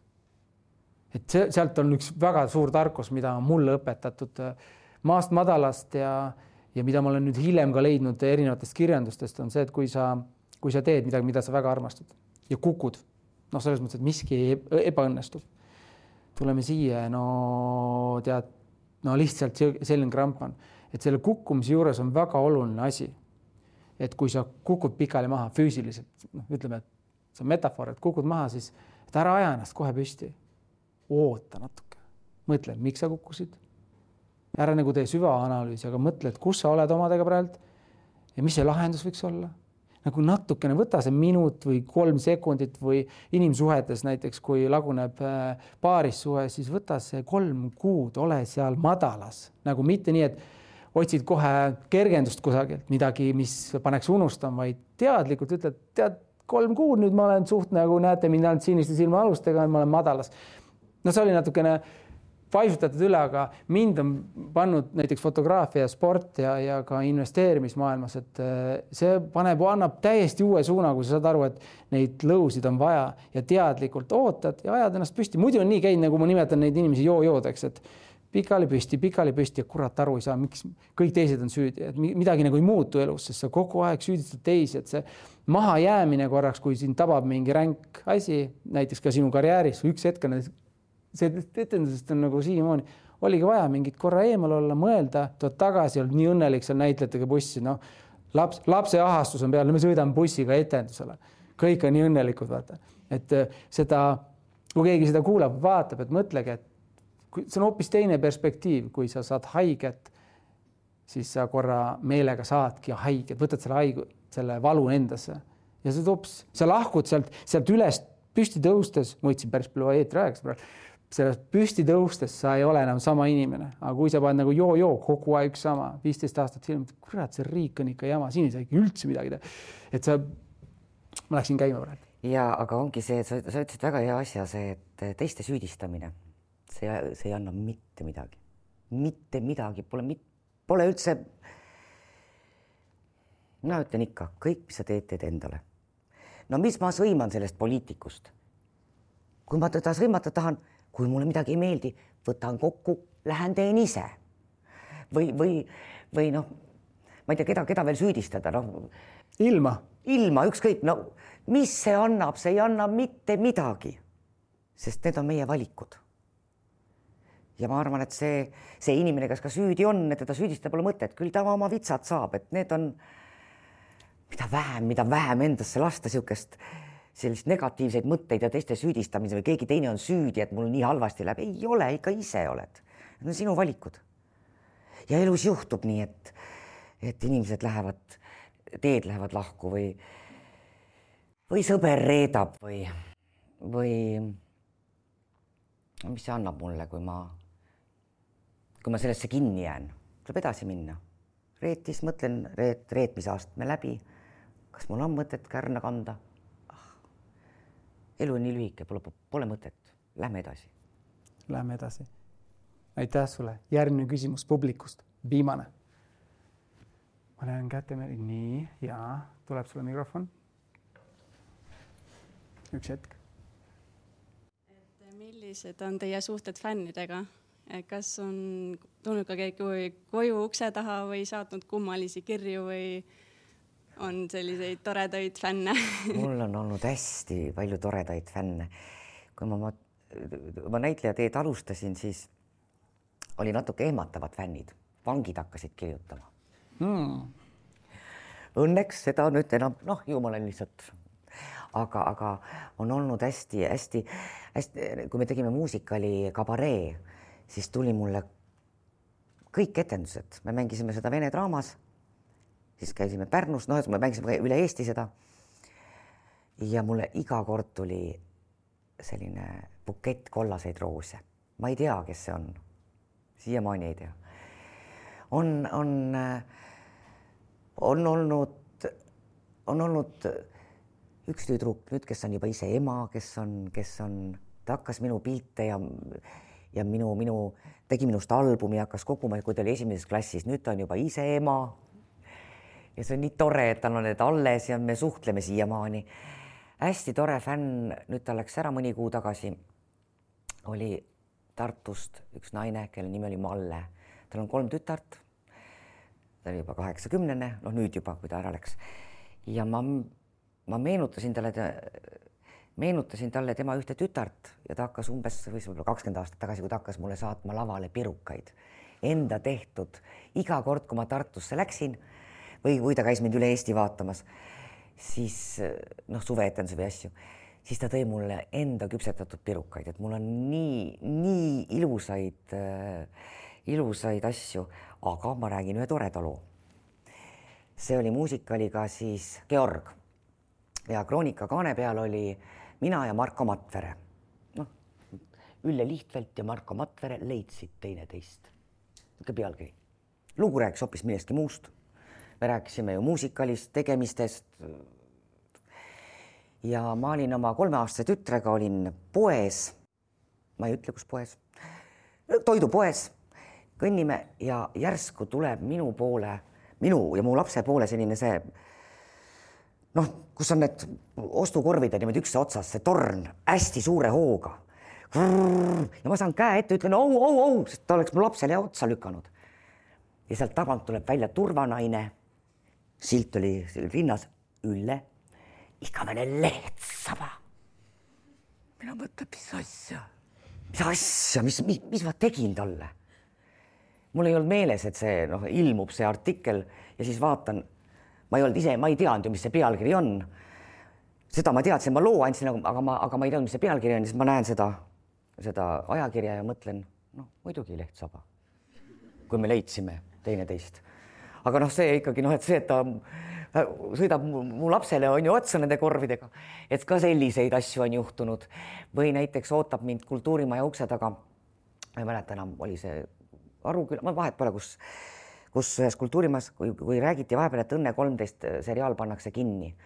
Ja seisid ukse taga prouad, noh, ütleme siis tol ajal minuga ühevanused prouad raha on käes kümme eurot ja kakskümmend. Te ei pane seda kinni, me kogume raha, me anname teile raha. ma ütlen, saage aru, et mina ei ole otsustaja. ärge pange kinni, me kogume raha, me, palju teil vaja on? ma ütlen, ma ei tea, ma võin produtsendi käest küsida, palju meil vaja on, ühesõnaga, et et on selliseid hästi toredaid asju või, või mulle helistas keegi, kui ma nii-öelda Luule Komissarovi siis lainetegelase, kui sa, kui sa oled õnnet kunagi näinud, et seal on üks tema tegelase mehega natuke tiiba ripsutasin siis helistati mulle tundmatu number, ma ei võta neid üldiselt vastu. aga seekord ma ei tea, ei vaadanud, võtsin vastu ja samamoodi nüüd sa Laine käest saad ikka mõne lirva.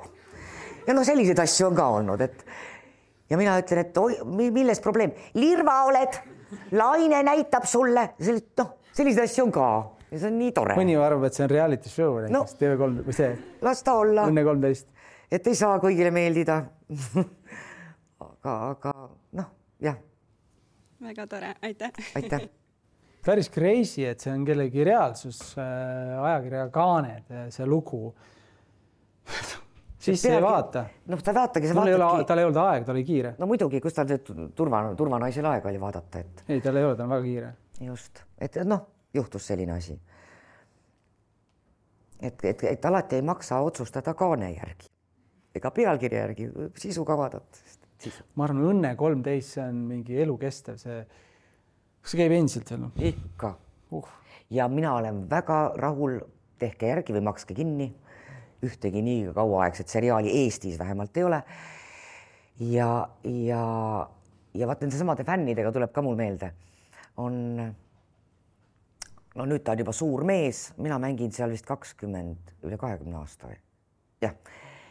kui ta hakkas seda vaatama, ta oli umbes vist kümnene või noh, nüüd ta on kolmekümnene ja ta on haritud inimene.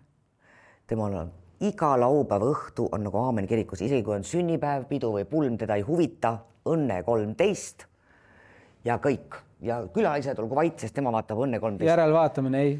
ei, see peab olema, see on nagu rituaal. see on temal ilmselt lapsepõlvest mingi turvatunne, kui nad siis vaatasid, ma ei tea, ema, isa või vanaisa või vanaema ja on ka on ka täiesti selliseid noori tulnud, kes ütlevad, et ma olen kõik järele nüüd vaadanud. et on nagu tekkinud nagu noh. aga kui, kui ta kestab ju, siis on vaatajaid ja on, ja kas siis saab paat. näitlejatel saavad lei-, leiva kõrvale ju saab või ka leiva peale, mis selle Õnne kolm, mul praegu, kui sa räägid, siis mul tuleb meelde, et aastal kaks tuhat anti välja raamat Võttepaigad ja kõik need aksessuaarid. ja mul tuleb meelde, et kaks tuhat üheksa. Sõitsime kõik võttepaigad läbi, pildistasin need ülesse, kõik need kostüümid ja osad näitlejad ka, nii et ma tõenäoliselt me oleme tegelikult varem kohtunud, tööd teinud, aga see oli nii kaua aega tagasi. põhimõtteliselt ma olin kõikides nendes settides, need enamus toad, kus tegevus käis, nad ei olnud samas majaski. noh, mingid sketšid seal, vaat Juustu talu ja mingi see on ju, need olid täiesti mingi random kohtades, et üks oli Magasini tänaval, üks maja on ju ja selle teine tuba oli tegelikult kuskil mujal, sest lihtsalt ei mänginud seda kokku, et selle Õnne kolmteist majas ei toimunud vist midagi, see oli ainult väljast. ainult välisfassaad. ainult väljas, välisfassaad ja siis mul oli päris huvitav oli seda raamatut pärast vaadata, et ma olin nendes kõikides settides sees, sest ma arvan, et minu vanuses äh, inimesed ikkagi teavad kõik, mis on, et nooremad ei pruugi teada, mis on Õnne kolmteist, et seda Netflixist ei leia. aga jaa, tegelikult see oli päris hull projekt. aga äh, ma korra veel räägin nendest fännidest ja siis, kui ma mängisin Pipi Pikksuka siis muidugi noh, neid, neid väikseid fänne. issand, kui armsaid asju juhtus, lavale tuleb laps, tal on, ta väriseb, tal on käes, käes, sa näed, et siin mingisugune asi ripub. ta tuleb, annab Pipi Pikksukale, annab hiir, ta oli seda erutusest siis terve etenduse närinud, tal olid kõrvad ära näritud, sihuke plastmassist hiir ja saba. ta andis mulle hiire noh, see on mul siiamaani garderoobis, ma vaatan seda, nüüd see peaks see laps olema, ma arvan, juba ka niisugune kolmekümne lähedal. siis sellesama Pipiga juhtus veel üks tore asi. Äh, kuna mul seal Tommid ja Annikad kogu aeg vahetusid, neid Tommisid oli seal ma ei tea, kui palju isegi Märt Avandi on nagu korra Tommit mänginud ja Annikad alati, kes mängisid, need jäid lapseootele, nii et mul neid muudkui vahetus, aga mina olin nüüd ka kogu aeg lõpuni. kui ma oma teist last ootasin, siis ma ka kaheksanda kuuga mängisin veel jätkuvalt Pipit. Pipit. tõstsid hobuseid ja? kõik see te tegin ära, mitte mingit probleemi hmm..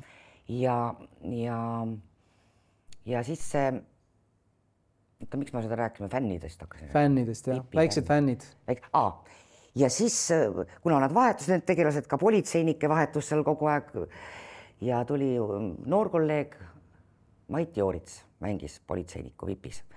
Ja siis ta tuleb, istun seal nii-öelda pipina, kellelegi, kellelegi öelda, ma suitset-, suitsetasin tol ajal veel.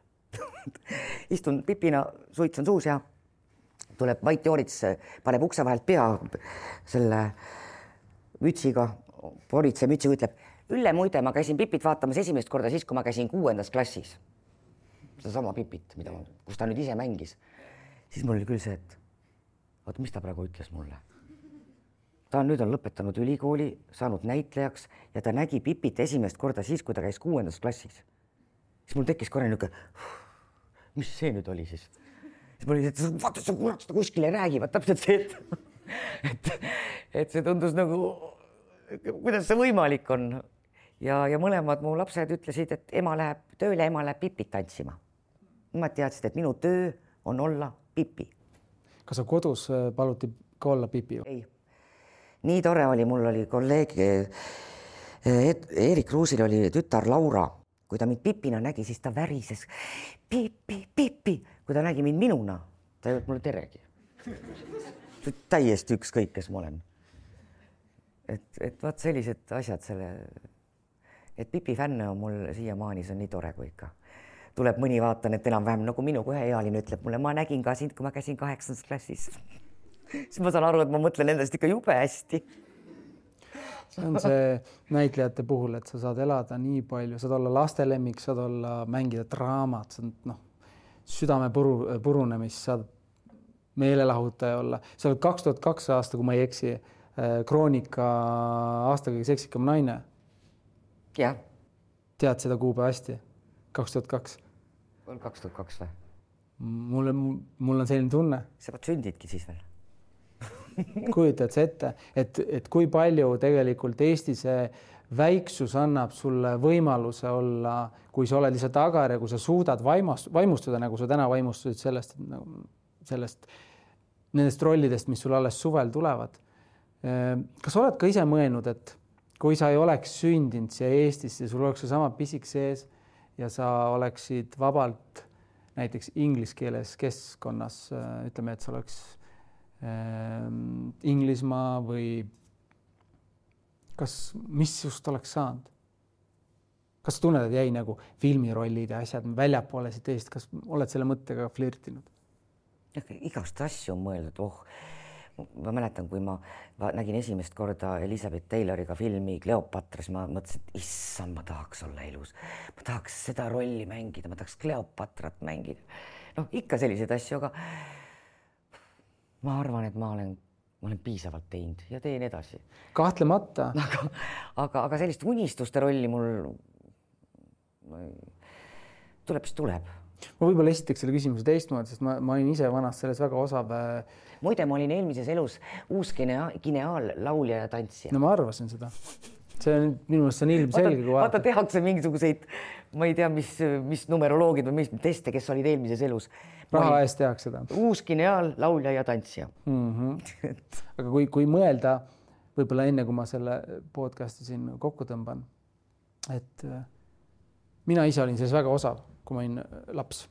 et mulle, ma oskasin väga hästi oma äh, unistusi või selliseid ideid äh, ära, nii sõna otseses mõttes ära tappa, et võib-olla see on kole sõna, aga, aga et ma mõtlesin, ma tahan midagi teha ja siis kakskümmend kuus sekundit hiljem ma hakkasin kohe vastulaused, et aga ma ei ole seda tüüpi, mul ei ole selleks võimalust. tead, see ei soosi ja teine, et, et kui osav sa oled selles, et sa ise ka oma ennast nagu downgrade'id või sul tuleb mingi pöörane idee, noh, et ma lähengi mängin seda Elizabeth Taylorit seal. oled sa mõelnud selle peale kunagi? ma ei tea, ma ei. praegu hästi, noh, tuleb ju casting utel käia. just. noh, aga ma ei, ma ei ole vist, ma ei ole vist käinud ühelgi casting ul. ma olen mõelnud, et kui mind tahetakse, küll siis leitakse, aga elu näitab, et ega ei leita küll ei leita. sa pead ennast push ima, push ima, push ima. aga mina ütlen ausalt, ma, ma ei, taha. ma mitte, mitte, et see mulle kuidagi alandav oleks, ei. kui sul on ikkagi nädalas on sul viiel-kuuel õhtul etendus, siis ma saan oma vajadused kuidagi ja on saadud ka, on ka tehtud filmi ja on tehtud muusikale ja seriaale ja yeah ja ma olen nagu kõike saanud teha ja kui midagi elus veel, kui tõesti tuleb sellist midagi sellist, et no kui tulebki, et äh, mingi huvitav asi, huvitav roll, mida ma tahaks väga mängida filmis, no ju ma siis läheksin sinna casting ule mm. -hmm. aga, aga. aega veel on. no just võib-olla no ütleme, et kakskümmend täisväärtuslikku aastat on ehk veel antud, aga noh, siis on tugevad kakskümmend aastat Matthew McConaughey käis ikka pikalt äh, casting, casting utel, nii et ei sobinud ta, ta oli seal esimestes õllereklaamides lihtsalt oma käega ainult. et öeldi, et no kuule, vaata enda nägu, vaata peeglisse, mees, see ei sobi. see diktsioon ja asjad, see et sa võid meil siin õlut tõsta laua peale siitmaalt käsi, et päris okei okay,, sul on päris hea ilus käelaba. et ja täna me teame, et ta on, ta on mega hea näitleja kes just, kes justkui ilma igasuguse näitlemiseta mehena oskab väga hästi kanda edasi seda mingit sellist tunnet, mida ta tunneb. et ma arvan, kes on valmis siin tuhat casting ut käima nii, et öeldakse ei, siis sealt need tšempionid tavaliselt tulevad. just, aga, aga ma mõtlen, et mis on nagu minu, vot mina olen juba nii selles eas, kus ma olen ja olen selles kohas, kus ma see on õige hetk casting. aga, ja see koht on siin täna väga mõnus aga, aga ma mõtlen just noorte puhul, et issand jumal, kui keeruline teil on, kõik see seisab ees, kõik needsamad casting ud, on see siis mitte filmide või lavastuste või peale, vaid üleüldse, mis töökoht, kõik, kõik see on, ma lihtsalt vahest mõtlen, mul on teist nii kahju. mul on nii kahju, et ma ei tea, kuidas te hakkama saate, kuidas te jaksate. eriti, eriti, no ma nägin ju kõrvalt, mu oma tütar, kui seesama koroonaaeg, ta lõpetas üheksandat klassi ja tegi sisseastumiseksameid igale poole koolidesse. kuidas ta pidi, noh, kuna see toast oli tehtud stuudio, sest läbi kõik kogu selle noh, interneti, eks ole, siis ta pidi saatma kõikvõimalikku salvestusi, ikka laule ja ma ei tea, mis. ma olin hulluks minemas, mõtlesin, vaene, vaene laps ta peab seda tegema, tal ei olnud valikut. sest igale poole oli vaja ju sisse astuda, lõpuks sai Gustav Adolfisse. et aga see kadalipp, mis tuleb läbi käia neil, see on ikka pöörane. jõudu teile, ärge, ärge andke alla. ärge masenduge, ärge mõelge üle. minu arust see on just, mina näen, ma olen lootuste optimist, ma näen jumal positiivsed inimesed peavad palju leidlikum täna olema, et sa Ongi, noh. sa pead ennast urust välja ajama, midagi ei ole teha. jah, aga, aga vahest on see konkurents on nii, nii tihe ja mm. -hmm. oh issand, et teil kõigil hästi läheks, Teil läheks hästi. kõigil hästi läheks. Mind ennast kõnetab tohutult see vastussuunda, vastuvoolu ujumine, et et ma mäletan, kui ma selle podcast'iga alustasin, siis väga paljud andsid mulle nõu, ütlesid, ära jumala eest tee, et see on, kes see teeb pildiga, see kõik on halb, onju, ja keeruline, kes see ikka vaatab. kui seda iseendale ei tee, kui see, kui mind see mulle midagi ei pakuks, siis ma seda ei teeks. et igaüks peaks äh, leidma endas ka mingi sellise asja, mida ta taga ajab, mis, mis, mis on siis see kus ta neid eisid, kus ta õpib neid, turvaline koht, kus õpid neid eisid äh, tarbima, sööma, et öeldakse, et see, see ei ole väga hea, see, mis sa tegid, see on nagu, ma ei tea, noh. aga mina ütlen, tee järgi, tee paremini, seal on ikka see tee nagu paremini, alati võib arvustada, kui lihtne on arvustada, kui lihtne on arvustada teist inimest.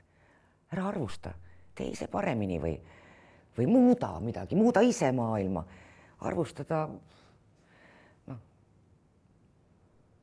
aga noh, midagi pole teha, kriitikud on meil igasuguseid kriitikuid.